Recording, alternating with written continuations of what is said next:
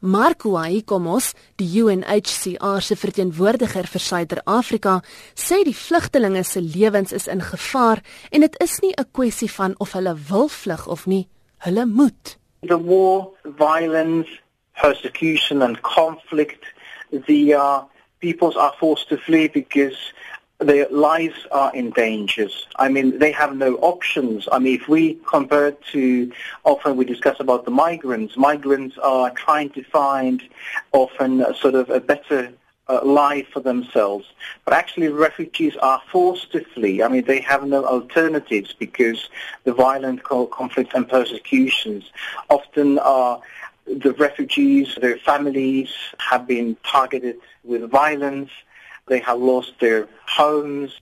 Hy sê daar is ook 'n groot hoeveelheid vlugtelinge in Afrika. At the moment there are thousands of people fleeing from the uh, Democratic Republic of Congo's uh, Kasai region and arriving to Angola, which is part of here in our Southern Africa region. Many of these people are arriving without limbs because they've been cut off by the uh, the violent militia.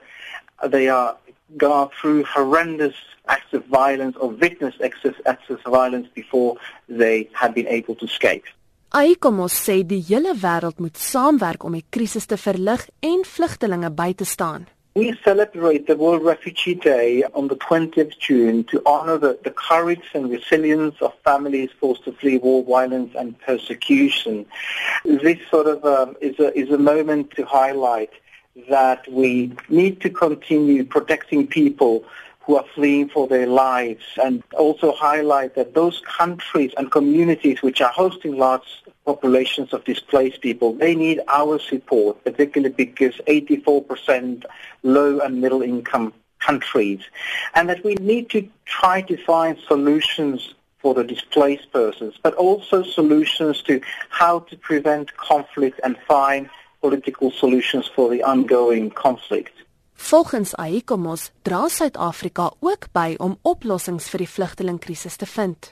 Also we advocate for the increased funding for the activities uh, that we do for the refugees around the world.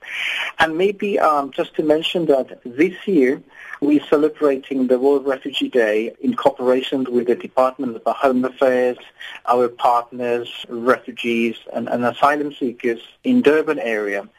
On the 18th, we had activities in Inanda, sports activities, cultural activities, and so. And on the 20th of June, we have also dialogues between the host communities and the refugees on issues and all this of course is to promote the social cohesion, tolerance and peaceful coexistence among refugees, asylum seekers and host communities.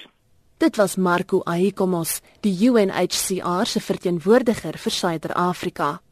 Ek is Dianke Nal vir SAK nuus.